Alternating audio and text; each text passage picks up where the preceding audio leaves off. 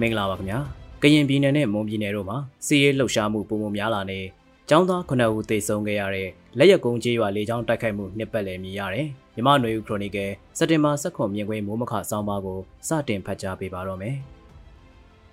ကရင်ပြည်နယ်နဲ့မွန်ပြည်နယ်ကြိုင်မြောမြို့နယ်ထိစပ်နေတဲ့ ကြိုင်းစိတ်ကြီးမြို့နယ်တွေကကျေးရွာတွေဒေသအခေါ်အဝေါ်အပြင်ခလဲတကွန်တိုင်းကျေးရွာတွေကိုစစ်ကောင်စီရဲ့အရှိတောင်တိုင်းစစ်ဌာနချုပ်ကစစ်ကြောင်းတွေဝင်ရောက်လာနေပြီးအခုရက်ပိုင်းတိုက်ပွဲတွေဖြစ်ပွားလာမဲ့အနေအထားတွေသတင်းဖော်ပြမှုတွေရမြင်တွေ့နေရတာဖြစ်ပါတယ်။အလားတူသတင်းတဲ့ပုံမှာလည်းဝင်းရင်မြို့နယ်တွေက KNU KNL ရဲ့တပ်မဟာ6ရဲ့တရင်16နေမြေကိုစစ်ကောင်စီတပ်တွေဝင်ရောက်လာနေလို့ဒေသခံတထောင်ခွဲလောက်ထွက်ပြေးတိမ်းရှောင်နေကြရတယ်လို့ဖော်ပြထားတာတွေ့ရပါတယ်။ကရင်ပြည်နယ်ကမြောက်ရီမြို့နယ်တဝိုက် ကော့ဂရိတ်မြို့နယ်တဝိုက်မှာမကြာခဏစီးရေးလှုပ်ရှားမှုတွေတိုက်ပွဲတွေ KNU နဲ့ PDF ပူးပေါင်းတပ်ဖွဲ့တွေကသိမ်းယူထားတဲ့စခန်းတွေကိုပြန်လည်ရယူဖို့ကြိုးပမ်းတဲ့တိုက်ပွဲတွေဖြစ်ပွားနေတာဖြစ်ပြီးကရင်ပြည်နယ်မြောက်ပိုင်းဖာပွန်ခရိုင်ပဲခူးတိုင်းတွေကညောင်လေးပင်မုံကြောက်ကြီးစတဲ့ဒေသတွေမှာလည်းမကြာခဏတိုက်ခိုက်မှုတွေဖြစ်ပွားနေတာကိုသတင်းဖော်ပြမှုတွေမှာတွေ့နေရတာဖြစ်ပါတယ်။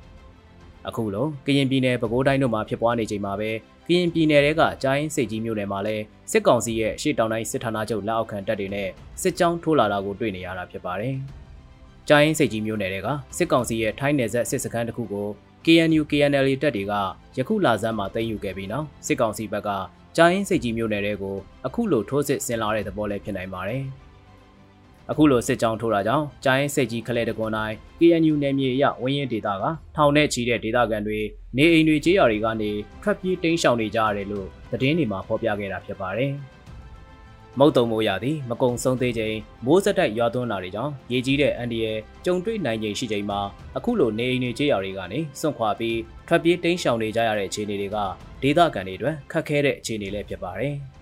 လုံခြုံတဲ့အမိုးကမရှိတာတိန်းရှောင်ရနေရာတွေမှာမုတ်တုံမိုးရွာသွန်းမှုတွေကြောင့်တောင်ကျရေချောင်းရည်တွေများတဲ့အချိန်တွာလာရခက်ခဲတာနေထိုင်ရခက်ခဲတာတွေကစစ်ပွဲကြောင့်လက်နက်အန္တရာယ်အပြင်ကျန်းမာရေးအန္တရာယ်ပါထပ်မံကြောက်ရောက်နိုင်တဲ့အနေအထားလည်းဖြစ်ပါတယ်။ပြီးခဲ့တဲ့နှစ်နှစ်ခွဲကျော်ဆီအာနာသိမ်းပြီးနောက်ကာလတွေမှာလက်နက်ကင်တိုက်ခိုက်မှုတွေဟာရခင်ကလိုပွင့်လင်းရာသီလို့ခေါ်ဆိုနိုင်တဲ့နိုဝင်ဘာလကနေမေလဝန်းကျင်အတွင်းမှာသာတိုက်ခိုက်မှုတွေဖြစ်ပွားတာထိုးစစ်ဆင်တာမျိုးတွေမဟုတ်တော့ပဲစောင်းတဲ့နှွေသားမက မိုးရာသီအတွင်းမှာပါတစ်နှစ်ပတ်လုံးဖြစ်ပွားလာတာဖြစ်ပါတယ်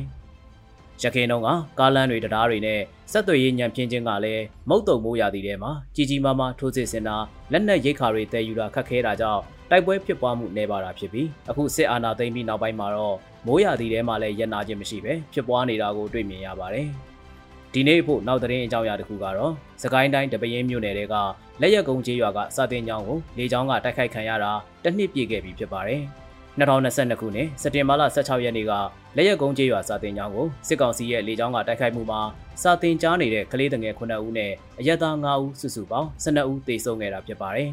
။တိုက်ခိုက်ခံရတဲ့နေရာမှာတင်သေဆုံးရသူတွေရှိသလိုဆေးရုံမှာဆေးကုသမှုခံယူဖို့ခေါ်ဆောင်သွားပြီးနောက်အသက်ဆုံးရှုံးရသူတွေလည်းပဲရှိပါတယ်။သွေးစွန်းနေတဲ့ကလေးတငယ်တွေရဲ့အကြောင်းလွယ်အိမ်နဲ့ចောင်းစာအုပ်တွေကစစ်ကောင်စီလေကြောင်းတိုက်ခိုက်မှုရဲ့ရက်စက်မှုကိုထင်ရှားတဲ့တာရကတပွဲတက်သေးခံနေကြတာလည်းဖြစ်ပါတယ်။ ဒီလိုကျေးရွာတွေကိုစစ်ကောင်စီရဲ့လေကြောင်းတိုက်ခိုက်မှုတွေကလက်နက်ကင်တိုက်ဖွဲ့တွေကိုထိခိုက်စေတာအ ਨੇ စုဖြစ်ပြီးအရက်သားအစုဝေးတွေကိုတိုက်ခိုက်တဲ့အခါလူဒါဇင်ချီကနေကမ်ဘလူမျိုးနဲ့ဗစီကြီးကျေးရွာအဖြစ်ပြတ်မှာလူရာချီတိတ်ဆုံးကြရတာဖြစ်ပါတယ်။အပြစ်မဲ့တဲ့ကလေးငယ်တွေတိတ်ဆုံးရတဲ့လက်ရက်ကုန်းကျေးရွာဖြစ်စဉ်နဲ့ပတ်သက်လို့စစ်ကောင်စီကိုအရေးယူနိုင်တဲ့အခြေအနေမျိုးတော့မရှိသေးတာကိုတွေ့မြင်ရမှာဖြစ်ပါတယ်